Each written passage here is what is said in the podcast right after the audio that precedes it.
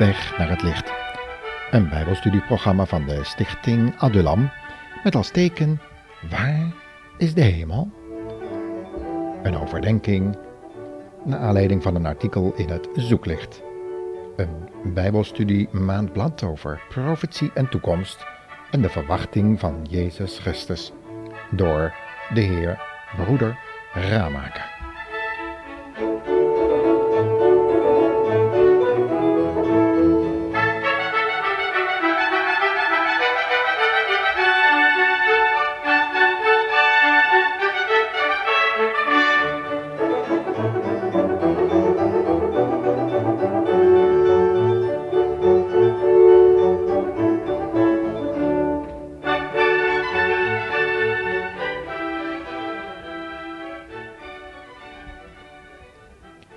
Lucas toont zich als vrijwel de enige Bijbelschrijver een geschiedschrijver, die in geregelde orde de gebeurtenissen weergeeft.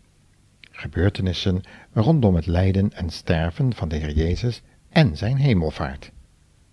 Hoewel hij geen ooggetuigenverslag geeft, maar heeft hij toch van vele betrouwbare informatie een soort samenbundeling gemaakt van de verschijningen van Jezus in de veertig dagen tussen zijn opstanding en hemelvaart is ons weinig bekend. In 1 Korinthe 15 vers 6 vertelt Paulus over een verschijning aan meer dan 500 broeders tegelijk. Maar Paulus was daar zelf niet bij. Ook hij moest het dus hebben van de informatie van anderen.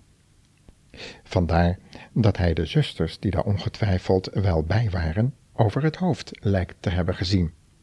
Maar zo is het niet.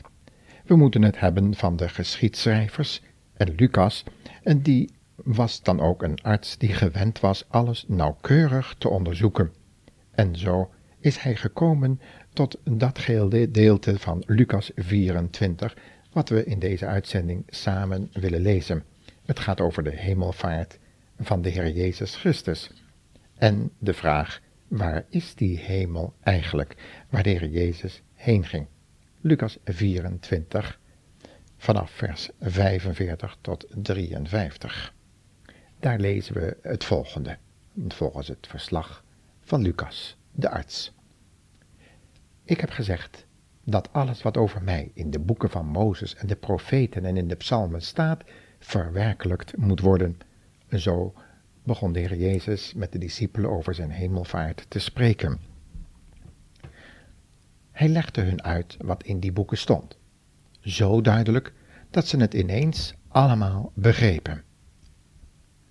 Dus zei hij, het was al lang voorzegd dat de Christus zou lijden en sterven. En op de derde dag zou hij weer levend worden. Van Jeruzalem uit zou dit bericht over de hele wereld uitgaan. Ieder die zijn zonden aan Christus beleidt, krijgt vergeving. Jullie hebben nu zelf gezien dat deze woorden zijn uitgekomen. Luister, ik zal de Heilige Geest sturen. Hij zal over jullie komen zoals mijn Vader heeft beloofd. Blijf dus hier in de stad wachten tot jullie kracht uit de hemel hebben ontvangen.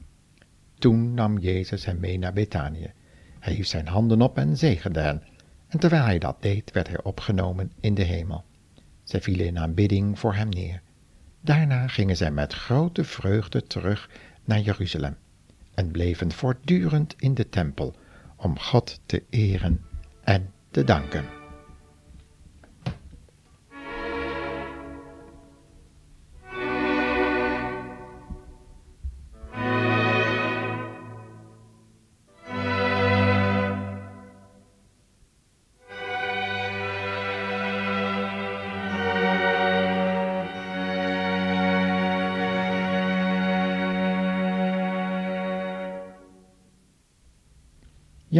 Wat moeten we onszelf nu eigenlijk voorstellen over die hemelvaart van Jezus en op de vraag: waar is de hemel? Moeten we daar het antwoord niet op schuldig blijven? Ligt hier niet een grote hinderpaal van het menselijk denken om te geloven? Is dit niet een heenwijzing naar een verouderd wereldbeeld? Men dacht toen toch dat de aarde het middelpunt van het heelal was? Boven de aarde een hemelgewelf waarin, zo dacht men, God zou wonen? Onder de aarde de hel waar de duivel het voor het zeggen had. Zo volgens die mythologische voorstellingen. Dat was het primitieve denken toch van de voorbijgegane eeuwen? Wij weten nu toch maar al te goed dat de aarde als een planeet om de zon cirkelt, dat de zon als een kleine ster aan de rand van de melkweg met een onvoorstelbare snelheid door het heelal cirkelt. We weten dat de afstanden in de ruimte eveneens onvoorstelbaar groot zijn en schat de doorsnee van het heelal op ongeveer 2 miljard lichtjaren en de snelheid van het licht is maar liefst 300.000 km per seconde. Als deze gegevens van de natuurwetenschap juist zijn, en waarom zouden we daaraan twijfelen, hoe zou de Heer Jezus dan lichamelijk ten hemel gevaren kunnen zijn?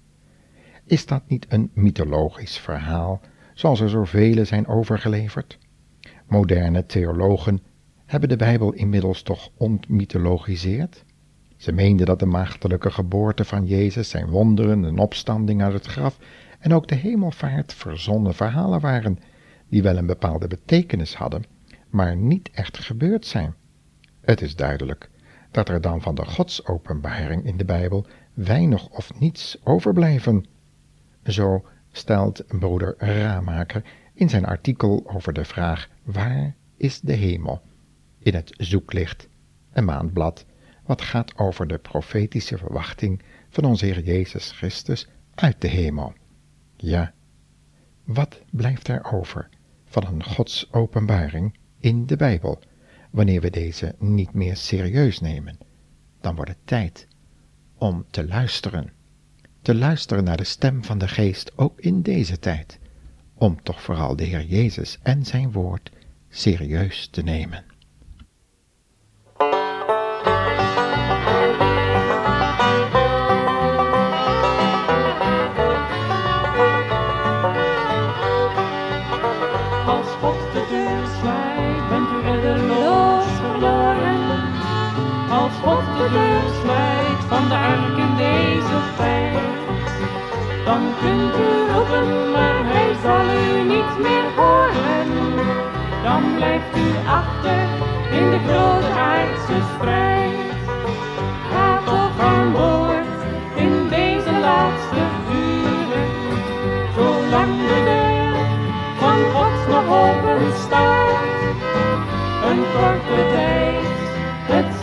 niet lang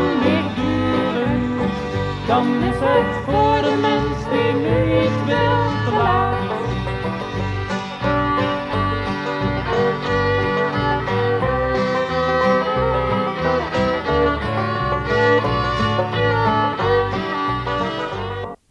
te opvattingen over het onderwerp hemelvaart wijken dikwijls ver af van de bijbelse gegevens.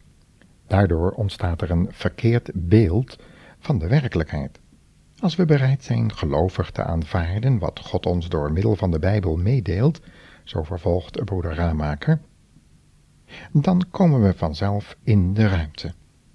Als wij nauwkeurig lezen wat Lucas bijvoorbeeld beschrijft, ontdekken wij dat het niet naar de hemel varen is, maar in de hemel opnemen. Als wij goed lezen wat er letterlijk staat, waarbij we ons dan soms van bepaalde vertalingen moeten distancieren, wordt onze blik verruimd en is het niet nodig om te ontmythologiseren. Het is vanuit het Nieuwe Testament heel duidelijk dat de Heer na zijn opstanding steeds weer bij de discipelen was. Petrus heeft tot Cornelius gezegd wij die met hem gegeten en gedronken hebben, nadat hij uit de doden was opgestaan. We kunnen dat lezen in Handelingen 10. Maar op de veertigste dag gebeurde er iets heel bijzonders. En het geschiedde terwijl hij hen zegende, dat hij van hen scheidde. Deze scheiding was definitief. Uit de houding van de discipelen blijkt dat zij dit begrepen. Ze zullen niet alles helder hebben gezien. Dat gebeurde eerst op de Pinksterdag en daarna. Hij nam afscheid van zijn volgelingen en ging daarheen van waar hij gekomen was. Dat staat centraal in de desbetreffende Bijbelgedeelten. De Heer had hen daarop voorbereid. Meer dan tienmaal lezen we in het Johannesevangelie dat hij zou heengaan tot de Vader, die hem ook gezonden had. Waar is dan die hemel, waar de eeuwige God een ontoegankelijk licht bewoont? Hoe is Jezus daar dan heen gegaan? Wel, daarover gaat het in de woorden van Lucas aan het einde van zijn eerste boek en het begin van zijn tweede boek, het boek De Handelingen. Terecht heeft men vanuit natuurwetenschappelijk inzicht opgemerkt dat ten hemelvaren stoelt op een antiek, verouderd en onjuist wereldbeeld. Maar naar mijn vaste overtuiging leert de Bijbel niet dat de Heer een reis door het heelal moest maken om in de hemel te worden opgenomen.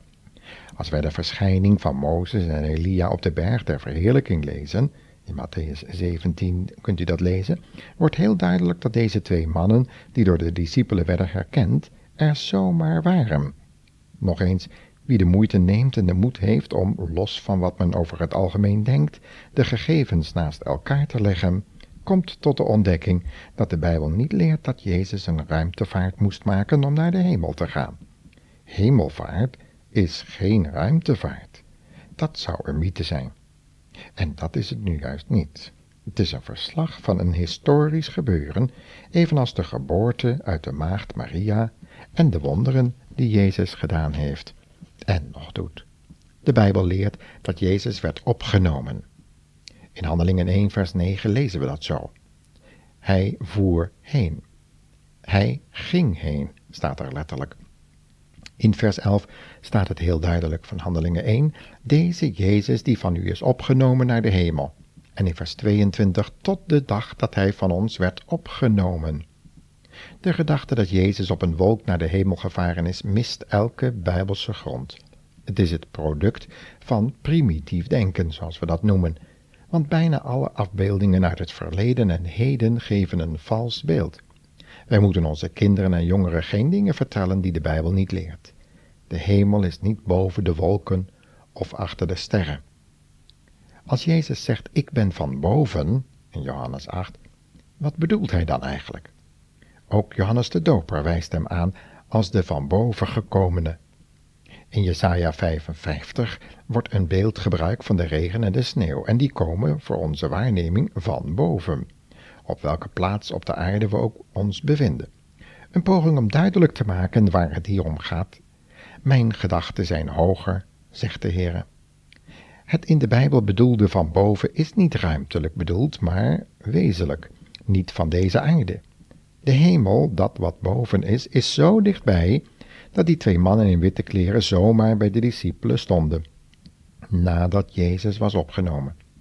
En bij de verheerlijking op de berg in Matthäus 17 gebeurde precies hetzelfde. Engelen hebben geen vleugels, want zij hoeven niet te vliegen. Tenminste, zo kunnen we ons dat voorstellen. Zo dichtbij is dat anderen, hoewel wij de engelen weer afgebeeld zien als vleugelen in de visioenen van Ezekiel. Dat er in de visioenen in het Oude en Nieuwe Testament spraken is van hemelse wezens die dus met vleugels worden gezien, bewijst heel duidelijk dat in die onzichtbare schepping een verscheidenheid aan wezens, gerubs, serafs, engelen bestaan. Die kunt u ook allemaal lezen in Genesis 3 en Exodus 25. De Bijbel maakt duidelijk dat er twee werkelijkheden zijn: een zichtbare en een onzichtbare werkelijkheid, een materiële en een geestelijke werkelijkheid. De dingen die in de hemelen zijn en die op de aarde zijn, de zichtbare en de onzichtbare dingen. En als we dan over de hemel spreken, zo beëindigt Bodaramaker zijn lezing, dan kunnen we het eigenlijke van die onzichtbare werkelijkheid nauwelijks met menselijke woorden omschrijven.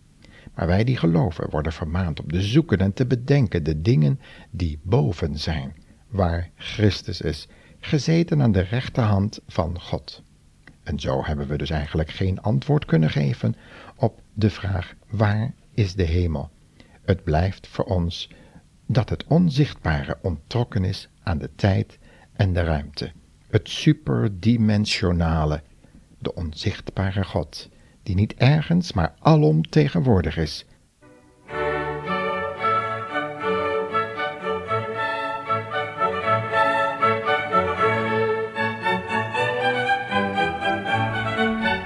Dit was een programma van de Stichting Abdulam. God zegen u en tot de volgende uitzending.